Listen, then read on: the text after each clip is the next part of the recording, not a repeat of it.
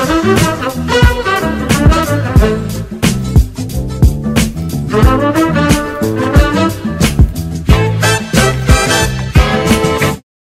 datang di Lini Podcast, ngobrol lebih dekat tentang gaya hidup sehat. Di, di edisi spesial bulan Ramadan kali ini, kita akan uh, membahas lebih dekat mengenai puasa dan juga manfaatnya bagi kesehatan. Halo teman sehat, saya Zafira. Pada episode sebelumnya, kita telah membahas mengenai berapa banyak sih air yang perlu diminum ketika sedang uh, melakukan sahur. Nah, Selain sahur, ada satu hal lagi nih yang biasanya dilakukan oleh orang-orang yang sedang berpuasa, yaitu berbuka. Mungkin di antara teman sehat dan mungkin termasuk saya sendiri ada uh, beberapa yang masih uh, sembarangan ketika sedang memilih menu untuk berbuka. Nah, oleh karena itu, kali ini kita akan membahas mengenai menu berbuka, bagaimana sih cara berbuka yang sehat. Tapi sebelumnya saya nggak akan sendirian karena saya akan ditemani oleh seorang narasumber yang sangat luar biasa. Beliau merupakan guru besar uh, ilmu gizi FEMA IPB University dan juga ketua umum dari Pergizi Pangan Indonesia. Mari kita sambut Prof. Hardinsyah. Selamat datang Prof. Hardin. Bagaimana kabar Kak? Ya, terima kasih. Kabar baik. Gimana Zafira? Alhamdulillah baik juga Prof. Baik. Nah, kali ini kita akan membahas mengenai berbuka nih Prof. Ya. Nah, uh, saya mas agak penasaran. Biasanya berbuka itu kan disebut dalam bahasa Inggris sebagai break to fast. Nah, sedangkan sarapan biasa disebut breakfast. Nah, itu kan memiliki makna yang hampir sama ya, Prof. Mm -hmm. Nah, selain dari penyebutan yang hampir sama itu, apakah ada kesamaan lainnya di antara sarapan dan juga berbuka? Ya. Yeah. Ya kalau istilah sih bisa sama breakfast ya artinya ketika kita sarapan di hari-hari di luar Ramadan itu kan memang setelah makan malam sampai paginya kita tidak makan minum jadi dianggap fasting puasa sehingga paginya to break the fast jadi breakfast. Nah, ketika kita puasa seperti di bulan Ramadan ini kita puasa mulai dari imsak sampai berbuka Nah itu juga suasananya kita menahan diri makan minum, jadi to break the fast juga berbuka juga. Tapi tentunya berbeda ya dari sisi waktu pasti sudah berbeda. Dari sisi uh, jumlah makanan sebaiknya juga uh, berbeda gitu ya. Jenis makanan bisa jadi berbeda, bisa jadi enggak. Kenapa uh, jumlah makanan berbeda? Karena kalau breakfastnya sebelum puasa, tidak puasa, itu adalah bagian dari meal time. Meal itu berarti makanan besar. Jadi kalau teorinya makan di barat kan itu ada uh, tiga meal pagi, siang, sore atau malam. Kemudian ada snack. Nah, sebenarnya berbuka puasa ini sebenarnya kategorinya adalah snack yang disertai dengan minuman. Karena nanti ada lagi dinner, ada makan malam lagi ketika kita berpuasa. Gitu. Jadi bisa disimpulkan bahwa uh, ketika kita berbuka itu menunya sebaiknya lebih sedikit ya Prof dari menu sarapan. Iya, kalau jenis bisa saja sama, tapi hmm. jumlahnya uh, tidak sebagai meal gitu, jadi lebih sedikit ya. Bahkan hanya sekedar buah saja dan minum sudah cukup misalnya. Oh begitu, Prof. Ya. Uh, saat berbuka kita cukup mengonsumsi buah dan air juga sebenarnya cukup ya, Prof. Iya, tapi tradisi di Indonesia dan berbagai negara kan ada banyak ya yang dikembangkan ya. Itu cendol, kolak, apalagi es buah hmm, otak-otak iya. pisang hijau macam-macam deh kemudian nih Prof uh, biasanya nih setelah azan nah kan kita langsung menyantap menu takjil ya Prof sebagai menu yeah. berbuka nah ada juga beberapa orang yang setelah makan menu berbuka itu mereka langsung mengonsumsi uh, makanan berat seperti uh, misalnya nasi atau lauk men, nasi dan lauk-lauk lainnya Prof. Hmm. Menurut Prof Hardin uh, Apakah seperti itu bisa dibenarkan, Prof, atau bagaimana? Ya, baiknya berbuka dipisah dengan makan malam ya. Kalau kita sudah tadi ada nasi, ada lopo berbuka, ini kayaknya sudah cenderung makan malam. Kecuali barangkali ada kondisi tertentu ya entah itu dalam perjalanan, dalam misalnya ada perjalanan darat ya, rombongan, nyetir, kayaknya ini nggak keburu lagi nih kalau uh, apa nggak digabung gitu ya. Jadi ya apa boleh tapi itu emergensi ya. Tapi kalau sebaiknya kalau ditanya sebaiknya ya dipisah. Mari kita berbuka dulu. Paling berapa sih? Lima menit juga sudah cukup ya. Makan satu potong buah disunahkan misalnya kurma kurma basah. Kalau enggak adanya air putih ya air putih. Ya, sukanya dengan uh, teh yang dikasih gula nggak ada lagi yang lain ya nggak masalah. Dalam arti secara gizinya gitu ya. Artinya dahaga kita mulai pulih, organ pencernaan kita mulai dirangsang untuk bekerja lagi pelan. Kemudian kita sholat maghrib kan, masa ditinggalkan sholat maghribnya. Jadi berwudu, sholat, berdoa sedikit, apalagi pakai uh, sholat rawatib sunnah yang menyertai setelah maghrib. Ya mungkin habis 30 menit pas lah. Kita beri jarak 30 menit, kemudian kembali ke meja makan baru makan malam gitu. Atau mau makan malamnya juga nanti mau ditunda setelah isya atau tarwih ya, monggo, nggak masalah. Jadi sebaiknya ada jeda dulu ya Prof untuk memproses menu berbuka tadi. Betul.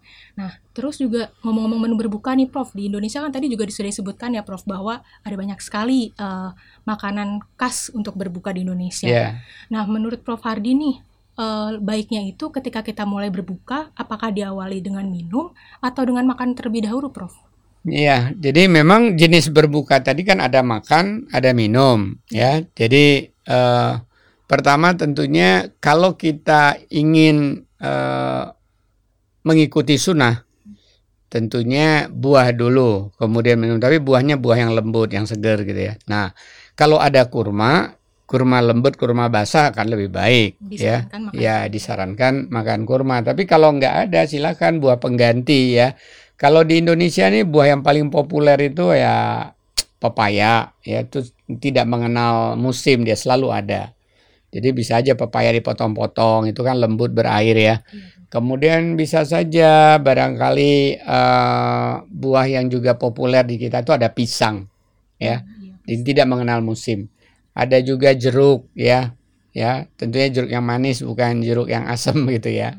Kemudian bisa berbagai uh, jenis buah-buahan yang lagi musim, barangkali pas lagi musim mangga, ada mangga, mangga yang manis bukan yang asam. Jadi uh, atau barangkali snack-snack lokal yang selama ini memang tumbuh dari budaya Indonesia, ya.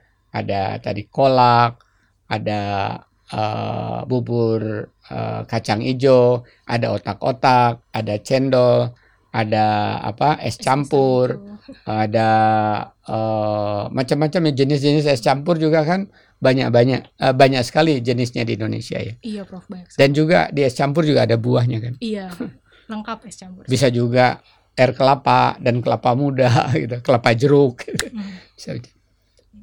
Nah tadi kan udah ngebahas nih uh, mengenai takjil-takjil ya menu-menu mm. buka. Nah, Prof Adin sendiri punya nggak sih uh, tips sehat yang perlu kita siapkan atau perlu kita lakukan ketika ingin uh, menyiapkan menu untuk berbuka, Prof? Ya, ya kalau Bapak uh, kembangkan ya dari uh, teori gizi, dari pengalaman, kemudian nilai spiritual tadi, uh, nilai keislaman di dikombinasikan, dan juga anjuran Kementerian Kesehatan, ada delapan ya uh, tips untuk kita untuk saya sarankan bagaimana cara berbuka yang uh, baik atau yang sehat. Pertama tentunya soal timing waktu ya.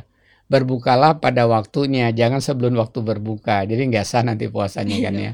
Dan sesegera mungkin karena memang pada saat kita menjelang berbuka memang kondisi peak di mana kita merasa dahaga dan perut memang uh, membutuhkan uh, sejumlah zat gizi. Jadi pertama waktunya.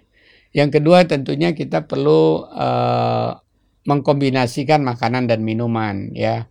Jangan hanya sekedar air putih saja. Tapi kalau itu yang ada nggak ada lagi yang lain ya apa boleh buat.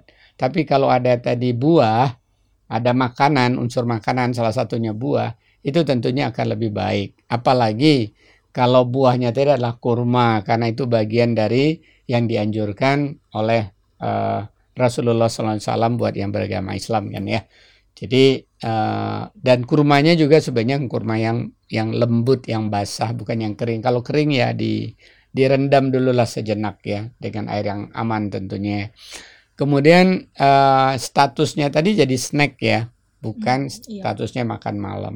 Kemudian yang ketiga uh, pilihlah tadi uh, yang lembut dan segar dan ada rasa manisnya itu akan akan lebih memudahkan kita mencirikan bahwa ada sejumlah energi yang masuk. Kalau air putih aja kan nggak ada energi yang masuk, iya, ya. Kurang berasa. Ya, kemudian yang keempat pilihlah yang aman. aman baik itu dalam arti uh, jenis-jenisnya. Kalau makan buah juga kita khawatir bagaimana supaya jangan uh, sampai di kulitnya ada residu pestisida. Berarti harus dicuci dulu ya. Kalau buah yang akan dimakan dengan kulitnya. Kalau buah kalau kurma tentunya karena dia memang dari pohon yang tinggi ya dan dalam budidayanya barangkali juga tidak menggunakan uh, penyemprotan sampai ke buahnya menurut saya memang uh, tidak ada informasi selama ini tidak tidak aman ya kecuali dalam perjalanan dalam pengemasannya tapi relatif selama ini tidak ada isu tentang ketidakamanan uh, kurma tadi. Nah, kalau uh, aman dalam arti pengolahan ya kalau pas kebetulan ada yang digoreng gitu ya. Iya. Kadang-kadang kan ada camilan gorengan juga jadi menggugah selera berbuka. Nah, itu juga supaya tidak menggunakan minyak jelantah ya yang telah banyak uh, minyak tidak sehatnya, minyak transnya. Nah, di samping itu yang kelima ya perlu uh, kita atur supaya ketika kita mengkonsumsi ini suhunya tidak terlalu panas. Kalau misalnya tadi harus pakai sambal tidak terlalu pedas. Kalau dia juga tadi didinginkan pakai es tidak terlalu dingin ya Kemudian juga kalau tadi pakai jeruk, uh, lemon tidak terlalu asam, ya. Jadi kalau misalnya pakai garam tidak terlalu asin. Jadi hindari yang serba ter. Kemudian cara mengonsumsinya jangan tergesa-gesa, perlu pelan-pelan mengonsumsinya. Karena apa? Ya karena tadi organ pencernaan kita kan lagi uh, minimal bekerja menjelang sore hari tadi. Jadi jangan dipaksa, jangan di uh, berikan uh, makanan secepatnya masuk atau juga makanan yang kasar tapi kan tadi harus yang uh, lembut ya ketujuh alangkah baiknya juga uh, supaya ada rasa gembira dan ceria berbuka tadi bersama anggota keluarga. Bahkan diajak orang lain atau mengundang orang lain supaya kebahagiaan juga bertambah. Karena mengundang orang lain mengajak orang lain makan bersama di samping secara spiritual ada manfaat pahalanya, tapi juga tentunya ada hikmah eh, keceriaan eh, bersama, ada social bonding, silaturahmi, menyebabkan hubungan-hubungan sosial di masyarakat tadi akan semakin membaik. Yang terakhir, yang kedelapan, ya baik ini dari sisi nilai spiritual, juga anjuran dari Kementerian Kesehatan, syukuri. Ya, syukuri. artinya apa mensyukuri tadi? di, diawali berbuka dengan doa, Dan diakhiri juga dengan doa. Jadi itulah kira-kira tips sehat cara berbuka. Luar biasa sekali ya teman sehat tips dari Prof Hardin ini. Iya, terima kasih. Delapan tips ini wajib banget nih untuk diterapkan ketika kalian akan berbuka nanti. Nah, terima kasih banyak Prof Hardin atas waktunya dan juga Sama -sama. Uh, ilmunya yang sudah dibagikan dengan teman sehat semua. Terima kasih kepada teman sehat yang sudah menemani uh, kita dari awal episode hingga akhir. Dan uh, jangan lupa untuk uh, nantikan episode berikutnya melalui YouTube channel ini sehat dan juga kalian bisa mendengarkannya melalui Spotify. Tetap jaga protokol kesehatan dan uh, sampai jumpa di episode berikutnya mengenai plus minus minum es saat berbuka. Sampai jumpa.